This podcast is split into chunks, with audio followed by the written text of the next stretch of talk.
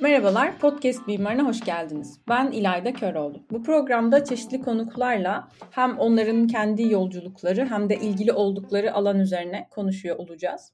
Bu bölümde Selin Arslan'la birlikteyiz. Ee, Selin mimar aslında. Hatta yüksek lisansını da yapmış bir mimar. Şu anda ise e, daha çok piyano dersleri vererek e, geçiriyor vaktini ama Selin'in kim olduğunu bence Selin'den dinlemek daha iyi olacaktır.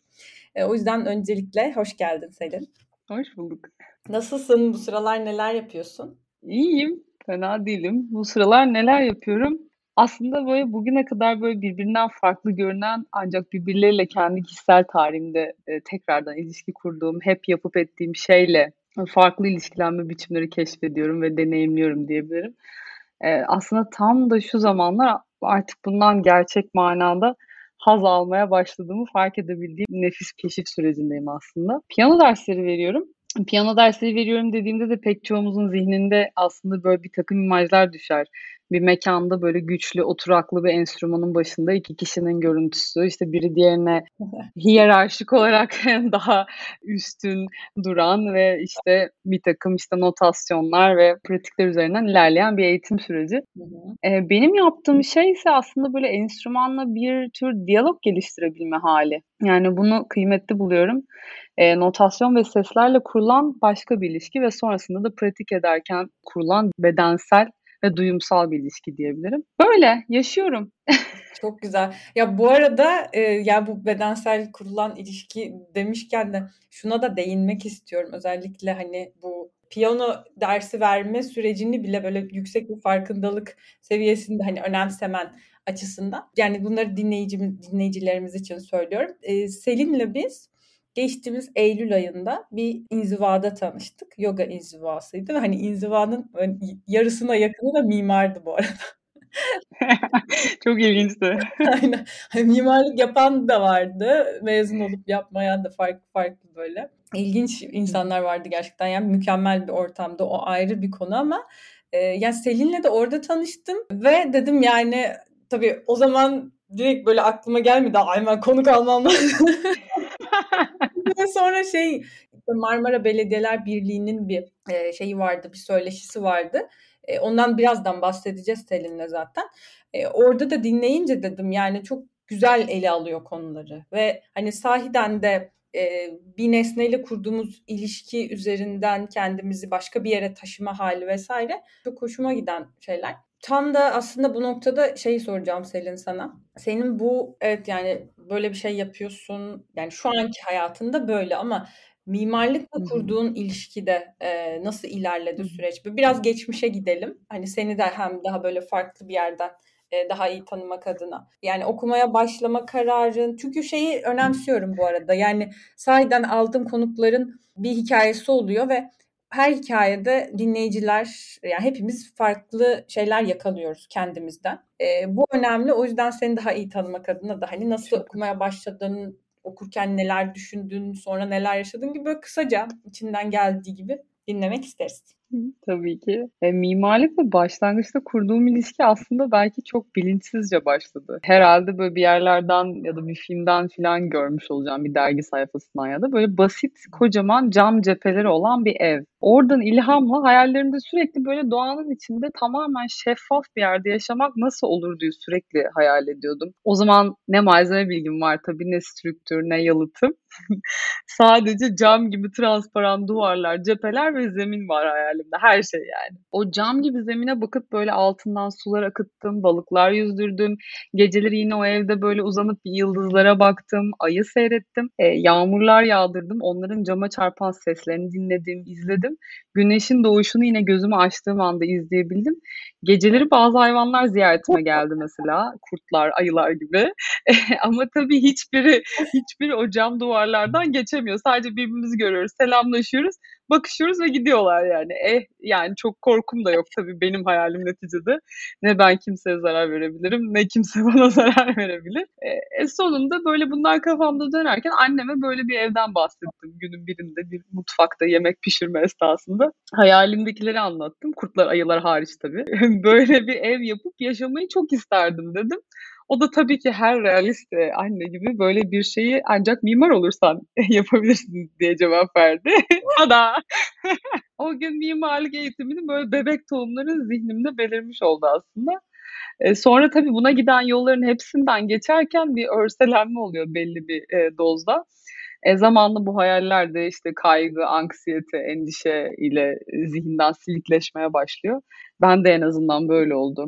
Yani fakültede okurken sürekli takip ederek yarışmaya hazırlananlar, okulda sabahlayanlar var. Bir koşturma, bir telaş, bir e, jüri e, heyecanı, eleştirilme kaygıları, e, sürekli korku ve panik içindeyim dedim. Yani bunda bir yanlışlık var. Yani ben de çok sabahladım ama bünyem bir süre sonra kaldırmamaya başladı. Sürekli hasta oluyorum yani bu böyle bir, bir alarm veriyor bir yerler. Böyle mi olacak acaba hep? Bir yandan da herkese bakıyorum böyle böyle bunun böyle olması gerektiğini kabullenmiş bir e, çevredeyim. E, bu sefer diyorum herhalde ben yanlış düşünüyorum yani acaba çok mu şımarığım falan diye böyle çok kendimi de böyle eleştirdiğim zamanlar da oldu. Hani sus Selin razı gel devam et. Gerekenleri yap hedefine ulaş. E, hedef ne? Hedef mezuniyet tabii ki ne olacak. Ondan sonrasında da e, ya bu sorgulamalar eşliğinde de görece vasat bir akademi hayatı geçirdim diyebilirim. Beş buçuk senede mezun oldum Mimar Sinan'dan. Yine fena değil doğru yani dört senede e, mezun vermeme e, unvanını elde etmiş bir okul kendisi. Sonraki hedef ne? Sonraki hedef de bir ofise girip, girip çalışmak olabilir. Sahada, şantiyede çalışmak olabilir. E, bunların hiçbirisine gönüllü olmayanlar da şüphesiz akademide kalmayı seçiyorlar. E, o dönem içinde başka bir seçenek de görünmüyor gözüme. Yani bunlardan birine gönül vermem lazım yoksa hayat gidiyor elden. Yani vakit kayıyor gibi yani. Zaten e, Fransız sesinde okumuşum. 4 artı 1, 5 sene oradan gitmiş. İşte 5,5 senede neredeyse tıp eğitimi kadar bir mimarlık eğitiminden geçmişim. Yani baktığın zaman baya yani o dönemki hayatıma e, kıyasla oranla baktığımız zaman yeryüzünde bulunduğum zaman zarfıyla kıyasladığımız zaman hayatımın yarısı zaten gitmiş durumda. E, hayatımı kaçıracakmışım gibi geldiği için daha da bu beni korku ve paniğe sevk ediyor. E, ama bir yandan da mezun olduğumda gerçekten bunların üçünü de tam olarak yapmak isteyip istemediğimden emin olamıyorum. Hmm. E, yani hem biraz daha öğrenci kalabilmek ve böyle alelacele ne olduğunu bilmeden geçen zamanımı bir tekrardan bir bilinçle değerlendirmek hem de biraz daha böyle yazmak ve okumak istedim açıkçası. Eğitimim esnasında da e, yani lisans eğitimi esnasında Palazma'nın Tenin Gözleri yanılmıyorsam adında bir... Evet çok severim. Etkilemişti. Evet yani mimarlığın felsefesine dair bir kitapla karşılaşmam bana yeniden o, o şeffaf evimin hayallerini tekrardan kurabileceğimi sinyallerini vermiş oldu aslında. Sonrasında yani bir yüksek lisans yapmam lazım benim. Bir, bir şeyler yazayım demeye başlarken buldum kendimi. Ve sonrasında frankofon olduğum için bir yurt dışı deneyimim de olsun diye Paris'teki École Nationale Supérieure de la Villette Okulu'ndan, Devlet Mimarlık Okulu'ndan oranın iyi bir devlet mimarlık okullarından birine kabul aldım. Ancak çok da iyi araştırmamışım. Yani orada gittiğim zaman hem aslında zamanımı biraz daha iyi değerlendiririm, bol bol okurum, bol bol yazarım, bol bol sergi gezerim diye düşündüm. Ama orası da okul olarak aslında tam da bizim Mimar o mimarlık eğitiminin tam anlamıyla devamı gibiydi. Zira o da bilinçsiz verilmiş bir karar gibi oldu. Hemen oradan hareketle bol bol sergimi gezdim. işte galerilerde çalıştım. işte yine orada da piyano dersleri verdim. Bir yandan geçimimi de sağlamak için. Fakat o esnada benim zaten hali hazırda bu mimarlık eğitimi başlamadan önce de daha öncesinde aldığım bir müzik eğitimi, bir konservatuar sürecim var. Ona da bahsederim birazdan. O esnada da e, yani onu da bir yandan hani bırakmak istemiyorum. Benim bir yerlerde bunun kesişiminde duracak bir e, alana ihtiyacım var bu konuyla ilgili ne yapabilirim? Artık bu soru net bir şekilde beni sarmaya başlamıştı. O esnada işte tekrar Türkiye'deki yüksek lisans seçeneklerini bakmaya başladım. E, o esnada Bilgi'deki e, mimarlık tarihi kuran ve eleştiri programının e, müthiş kadrosu beni sardı. İşte Uğur Tanyeli, Bülent Tanju, İhsan Bilgin, bizim inzivadan da bildiğimiz Şafak Hoca, benim Şafak Hoca ile bambaşka bir ilişkim vardı. Dolayısıyla e, zaten tezimi de Şafak Hoca, Şafak Uysal eşliğinde yazmıştım. E, dolayısıyla e, oraya bir atılımda bulundum, mülakata girdim ve yüksek lisans tezimi de aslında Bilgi'deki o kadronun içinde yapma fırsatını yakaladım ve bu bana gerçekten o kadraj bana orası müthiş bir köklenme hali verdi. Yani oh be tamam şu anda yerimdeyim. Şu anda istediğim gibi okuyup yazabilirim. Burası benim için iyi bir yer dediğim e, bir ana geldim. Yani oradaki kültür geçişi yalnız böyle muazzam. Ve hani e, Fransa'daki okula senin hani şey gözüyle bakma. Ya işte geldim bu kadar uğraştım değil de vazgeçmen gereken anı bilip de hani hayır demen ve dönmen çok büyük bir cesaret. Yani bu çok önemli. Yani kolay olmadı aslında ilk başta böyle yine bir başarısızlık hissiyle çevrelendiğimi söyleyebilirim. Elbette böyle yani çünkü belli bir a, hayal e, paketiyle de gidiyorsun oraya. Tabii. Neticede bir böyle etrafından da e, beklentiler var. Zaten bir an evvel böyle o aldığın lisans eğitimini artık bir nevi bir kapitale dönüştürme beklentin o olmaya başlıyor. Bir geçim sağlaman lazım okuduğun meslek üzerinden.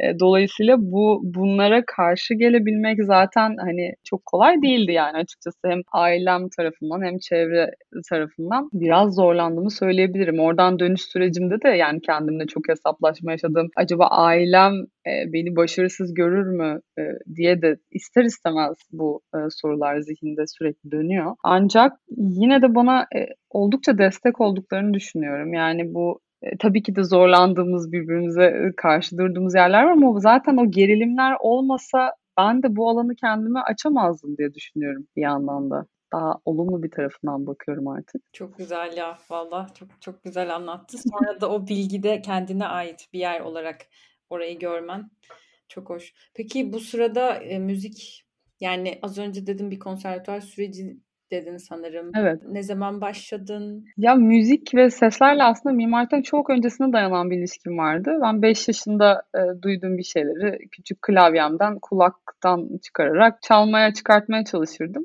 Sonrasında Mimar Sinan yarı zamanlı konservatuar yetenek sınavlarını kazandım. Ona da annem vesile oldu. Bu esnada o, o da 6-7 sene süren başka bir yolculuktu. Şimdi bu e, ilkokul ve lise hayatımın başlangıç kısmıyla orası sonlanmış oldu. O yarı zamanlı piyano bölümünü bitirdim. O sırada lise okuyorum. İşte yine e, Mimar Sinan. Sonrasında işte e, mezun oldum. Bu sefer mimarlık eğitimi.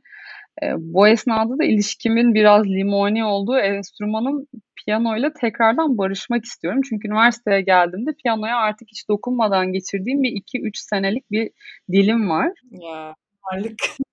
yani yani bir tek mimarlık mı bilmiyorum çünkü o e, yani konservatuar eğitimi de biraz e, tuhaf geçti açıkçası. O da böyle inişli çıkışlı zorlayıcı e, böyle beni e, zorlayan tarafları vardı.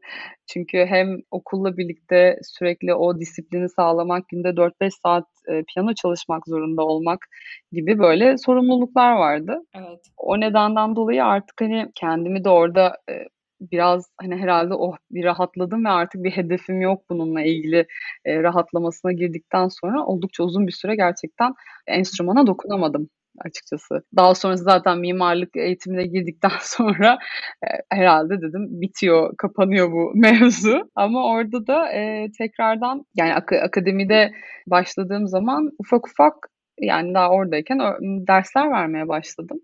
Hani bunu unutmamanın bir yolu ve tekrardan aslında buna da annem vesile oldu aslında. Dersleri verirken mimarlıkla olan ilişkime de yeniden baktım. E, ya dedim ben müzikle ilgilendim. Müziğin malzemesi nedir? Ses, işte benim bu sesle ilgili mimarlığın böyle salt bina inşa etmekten ya da proje müellifi olmaktan öteye giden taraflarının da olduğu bir tarafların olduğunu fark etmek demek. Yani oradayken de o dersleri verme halinde hem biraz işte öğrenciyken bir tür çalışma imkanım oldu aslında hem de tekrardan e, enstrümanla bir ilişkim kurulmuş oldu. Yüksek lisansa geri dönecek olursam orada da artık orada net olarak mimarlık ve müziği e, yani bu iki e, farklı şey bende var. İşte dediğim konuşmanın başında dediğim gibi farklı görünen şeyler bunlar ama bunların bir ilişkisi olabilmeli. Yani bu e, işte o esnada işte beni çok saran tektonik kavramıyla aslında tanıştım e, yüksek lisansımı yaparken. Mimarlığın mekan zamanıyla müziğin sesini alarak bu mekan ve sesin kesişiminde bir yerlerde durduğumu artık tanımlamaya başladığım sürece girmiştim o esnada. Sonuçta oralara kadar geldiğim noktada aslında o ayrıksı görünen tüm yapıp ettiğim pratikleri birleştirdiğim bir yer oldu. Böyle e, bu ilişkimde e, değişmiş oldu yani. Çok güzel. Yani yüksek lisans konunun e, daha doğrusu yüksek lisansın o hayatının iki ayrı dönemindeki şeyleri bir araya getirmesi muazzam. Evet. Bunun arkasında da büyük bir çaba var yani. Bu senin kucağına düşen bir şey değil. Ee, yok olmuyor. Ee, ya belki de kucağımızda zaten ama onu keşfetmemiz de oraya dönüp kucağımıza bir bakmamız da belki. Evet. Ya belki o kolay olmayandır. Çünkü çevre o kadar baskın ki yani biraz içeriye dönmek biraz daha e, zaman istiyor belli ki. Yani buna da şükran duyuyorum ya. Yani bir neticede yine şanslı hissediyorum kendimi. Çünkü yaptığım şeyleri seviyorum. Tabii tahammül edemediğim noktalar da var ama yani yapıp yaptıktan sonra baktığım zaman ya şunu şöyle de yapsaydım daha mı iyi olurdu acaba ya da şunu şöyle yapsaydım dediğim yerler de oluyor ama onun da kabulüne geçmeye başladım. Dolayısıyla evet keyifli bir yolculuk. Güzel. Ben bu arada yüksek lisans demişken senin işte tezine baktım böyle biraz. Ve güzel. bir kavram çok dikkatimi çekti. Sana onu sormak istiyorum. Bu arada hani tez, tezinde de e, neyi savunduğunu vesaire kısaca böyle bahsetmeni de isterim böyle hani istediğimde. Orada arkiteksonik diye bir e, arkiteksonik yapıt diye bir e, kavram çıktı karşıma. Onu soracağım. O ne demek? E, biraz okudum ama hani senden de duymak isterim. E, tezinden de Tabii ki. Güzel, ne güzel olur böyle tezimden bahsedebildiğim alanlar açılması güzel. Çünkü yazarken yani bunu elbette yani yüksek lisans tezi biraz böyle şey gibi yani hani doktor tezi gibi değil daha böyle evet. okunacak mı okunmayacak mı işte ama benim için böyle çok keyifli bir alan idi o zaman. Hı hı. E, bitirene kadar yani zor tarafları da vardı ama yani beni bana anlatan bir şey olduğu için bir yandan da böyle e, keyifle e, ilerlemeye çalıştım. Arkitektonik aslında benim kelimelerle olan ilişkimin derinliği bağlamında onlarla oynamayı da sevdiğimden dolayı benim türettiğim bir kelime aslında mimarlıktaki bu tektonik veya işte arkitektonik kavramının sese atıfta bulunan sonikle birleşiminden türettiğim bir kelime. Arkitek sonik. Bu tektonik kavramına da sevdalanmam diyeyim. E, önemli nedenlerinden biri tektoniğin bana göre e, en belirleyici niteliğinin genel anlamda birleştiricilik olması. Yani kendimde de bu birleşim kesişim durumunu ifade edebileceğim bir tavır olarak gördüğüm için o kavrama bu kadar çekildim muhtemelen. Bu nedenle de işte bu mekan işte zaman kavramlarının böyle birbirinden ayrıldığı bir e, literatür hakimdi e, öncesinde. E, dolayısıyla bunun e, birbirinden ayrılamazlığını ve sesin bu iki kavramla ilişkilenme biçimini sorunsallaştıran, yeniden düşünülebilir kılan e, yapıtlar e, ve onları üreten sanat pratikleriyle ilgili düşünmek, bunları biraz daha artiküle etmek veya içinde işte biraz küratöryel bağlamda bir sınıflandırmaya açmak için kendimce bir oyun alanı yarattım tezimde diyeyim. Yani bu bu yapıtlar da aslında böyle bir bina gibi içine kapanan, e, kapanım gösteren değil de sürekli kendini yeniden üreten, insanın da bedeni ve ruhuyla bütünleşen böyle bir zaman mekan etkileşimiyle algılamaya açık yani açık yapıtlar diyebilirim. Evet ya bir kere ses meselesini mekanda çok önemsemediğimizi çok fark ediyorum. Yani evet. özellikle görme duyusu daha hakim çünkü her zaman. Kesinlikle ve hani bir Palazma'nın o kitabını okumuş biri olarak oradaki beni en çok etkileyen hala böyle aklımda ve kazılı duran bir şey var. Yani sesin daha doğrusu şöyle söyleyeyim. Görme dışsallaştırır. Görme hep öteki olduğunu fark ettirir insana. Evet. Ses ise kapsayıcıdır. Yani kapsar ve kaçamazsın gibi bir şeyden bahseder. Evet. Hatta sen de e, bu Marmara Belediyeler Birliği'nin söyleşisinde evet. o söyleşi de beş duyu söyleşisiydi bu arada. Hani beş duydu metropol doğru.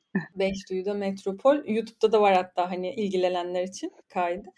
ya orada e, sen de şey demiştin hani sesten kaçamayız gibi bir şey demiştin. Deleuze'ün lafını, e, Deleuze'ün, e, Gilles Deleuze'ün alıntısını söylemiştim. Hatta şimdi de söyleyebilirim. Benim tezimin de girişinde yer alan bir e, söz. E, ses bizi istila eder, bize tecavüz eder, bizi tahrik eder, bizi sürükler, bizi delip geçer.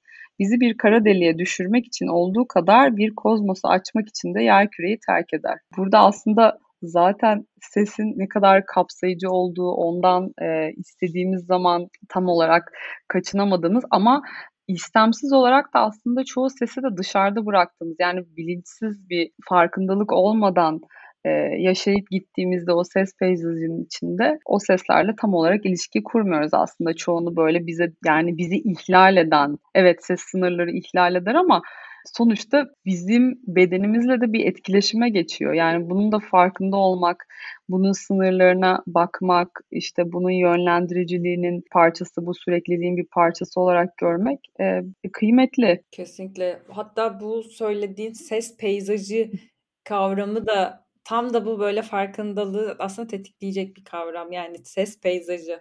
Çok e, benim hoşuma gitti ya. Bunu bunu da yine not almıştım. Çok güzel bir hiç ya ilk kez duydum. Ya ilk kez duydum derken şöyle daha önce hiç üzerine düşünmemişim hani. O kadar düşün hani dört buçuk bende de hani o kadar yıllık mimarlık eğitimi var ama yani hiç kimse ses peyzajı diye bir şeyden bahsetmemiş ve hani bilmiyorum her şey bu kadar görsel. Evet ama ancak mimarlık eğitimi zaten görsel bir hiyerarşiler bütününe dayandırılan bir eğitim süreci de aynı zamanda yani e, bizim bütün temsil araçlarımız ya da işte çizimler, işte üç boyutlu tasarımlar, işte haftalar sonuçta görsel bir şeye hitap ediyor duyuya. Dolayısıyla belki Evet, biraz bunlar da belki lisans eğitiminin de konusu olabilir. Neden olmasın aslında düşününce. Yani bir proje bile olabilir ses peyzajı üzerinde. Neden olmasın? Ay çok güzel, hoşuma gitti bu konu. Böyle bayağı mimari projelere daldım şu an her neyse. Onların üzerine de düşünmeyeli çok olmuştu. Düşünecek ne kadar çok şey var aslında. var ya her zaman var ve hani yeni yeni kavramlarla bu düşüncelerimizi de açabiliyoruz. Evet. Çok güzel. Yani Selin bu arada çok güzel anlattın. Ee, bütün bu e, söylediklerin. Başka senin böyle e, hem bu konularla ilgilenenlere e, varsa ne bileyim öneri olur, tavsiye olur ya da hani sadece söylemek istediğin, eklemek istediğin bir şey olur. Var mı? Ya sesin mekansal etkileriyle ilgili e, sesi böyle birincil malzeme olarak kullanan, bu mekan zamanla ilişkilenmeyi dert eden, bu ilişki üzerine temellenen sanat yapıtları bu tarihsel süreç içinde zaten işte ses sanatı, ses enstalasyonu, ses heykeli, sonik sanat, hmm. ses peyzajı aslında bu yani literatürde var.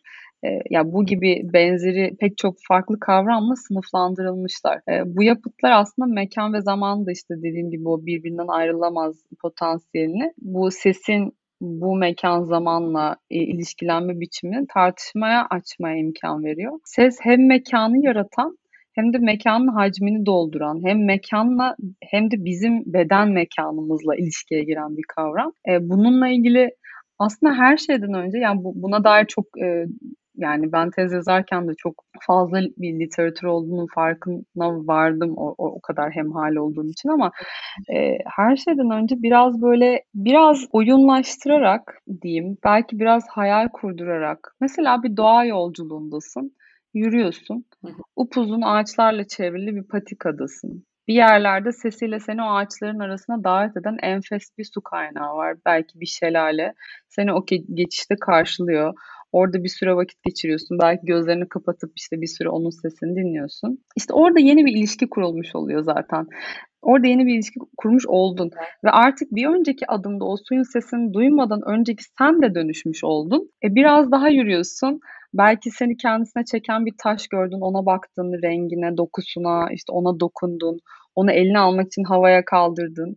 Yine ilişkin kuruldu. Onu gördüğün andan itibaren hem de her aslında dokunduğumuz şeyler. Yani onu havaya kaldırdım. Belki altında işte solucanlar yuva yapmış. E, ve o andan itibaren de aslında her dokunduğumuz şeyin etrafımızdaki etkileşime geçtiğimiz her şeyin ve birbirimizle de ilgili ilişkide olduğumuzu fark ettin. O yolculuk esnasında belki korkacağın şeylerle de karşılaşacaksın. Belki seni zorlayacak, belki harikulade deneyimler yaşamana sebebiyet verecek. Dolayısıyla bu bir e, bu bir tür yolculuk, bu bir tür e, oyunvari bir yolculuk. E, ben de böyle bunun bilincini yeni yeni keşfeden, bu durumu her günümü yaşarken o günü fark edebilmek adına için bu gün içinde koşturma hallerinden biraz olsun vakit bulabildiğimce bunların pratiğini yapmak için gayet gösteren biri olarak e, görüyorum kendimi. Buradan hareketle ancak bir şeyler söyleyebilirim. Yani isterim ki hayatımızda her yeni durumla karşılaştığımızda isteyelim veya istemeyelim o yeni duruma bir adaptasyon sağlamak için kaçınılmaz olarak yeni ilişkiler ağı kuruyoruz durumun kendisiyle ve sonunda kendimizle de. Bazen kendimizi yarıp içinden yeni bir şey doğurmak gerekiyor. E, doğum da biraz sancılı oluyor. Takdir edersin ki. Yani duyularımızla algıladığımız her şeye müthiş bir hayranlık duyuyorum. Bu nedenden dolayı ya bu e, alanla ilgilen, ilgilenirken e, daha hala inanılmaz keşfedilecek şeylerin olduğunu farkındayım. Yine e, çağdaş sanat konusuna döneceğim konuşmanın sonuna doğru e, geliyorum sona doğru. E, ses terapileri var. Ses terapileri böyle e, hani meditasyon, yoga gibi e, pratiklerin içinde de e, sesle ilgili ne kadar fazla şey olduğunu, o titreşimlerin yani o hani o om sesinin bile o titreşimi e, bizde yaydığı hissiyatı ya da işte e, kullanılan o çanakların ve diğer bütün materyallerin e, aslında rezonans yani bu bizim bedenimize etkiyen böyle bir tür şifalandırıcı etkisini deneyimlemek ve bunları meditatif bir alana açarak kendimizi dinleme haline ya da böyle işte şehire döndüğümüzde işte biz inzivaya gittik biraz işte biraz geri çekildik biraz böyle çıktık o modern hayattan biraz dışarıdan biraz baktık o mesafelenme hali ne kadar iyi geldi. Ondan sonrasında da çok sohbet ettik seninle. Dolayısıyla hani şehre geri döndüğümüzde de yani tomarla yapılacak, tomarla bu ilişkileri yeniden kurup yeniden üretebileceğimiz, başka türlüsü nasıl mümkün olabilir diyeceğimiz çok fazla alan var. Bununla ilgili bu sorunu işte mekan, zaman, ses konusunu dert edinmiş çok fazla sanatçı var. Ee, benim tezde de yazdım işte Bill Fontana, Peter Zimun bunların hepsi işte Cevdet Erek. Bunların pek çoğu hem mimarlık hem de müzik, müzik alanında icraat veren e, sanatçılar. Bazıları sadece görsel sanatlar e, üzerine de eğitim almışlar. Daha sonrasında sesi bunun içine e, katarak sorunsallaştırıp bir şeyler o ilişkiyi kurmaya çalışmışlar. Şu anda e, mesela Melih Fereli e, bu konuyla ilgili oldukça ciddi çalışmalar yapıyor görüyorum. E, Arter'de e, bununla ilgili çok fazla esere yer veriliyor. E, hatta yakın bir zamanda gördüğüm bir sesle ilgili yine bir eğitim semineri verilecek sanırım ses ve mekan üzerine. Yani bu işte benim tezimde de bahsettiğim Bill Fontana'nın Bill Fontana'yı buraya davet ederek İstanbul için bir sipariş üzerine bir iş üretilmiş ve şu anda hala orada deneyimlenmeye açık. Duyurmuş olduk evet. bunu da ilgilenen. Yani bitmek üzere sanırım Aralık ayında yanılmıyorsam ya da belki ocağın başında galiba e, bakılabilir e, internetten. E, dolayısıyla bunların her birine gitmek, bunları takip etmek gerçekten sanatın ne kadar aynı o tektonik kavramı gibi birleştirici gücünü, bizi neredeki hangi alanların kesişiminde durduğumuzu anlatan, bizi bize önce anlatan bir yerden bakmak muhtemelen benim verebileceğim belki en önemli naçizane öneri olabilir. Aa, çok çok güzel bence müthiş bir öneri oldu. Gerçekten çok çok sevindim. Ağzına sağlık Selin ya. Çok teşekkür ederim. Rica ederim. Yani... Çok e, keyifli oldu benim için de. Çok teşekkür ederim davetin için. Benim için heyecanlı ve keyifli geçti bu sohbet. Harika. Çok sevindim. Öyleyse sonraki bölümlerde görüşmek üzere. Bu arada siz de bu programa konuk olarak dilediğiniz bir konu üzerinde sohbet etmek isterseniz bana Instagram hesabımdan ulaşabilirsiniz. Takipte ve hoşça kalın.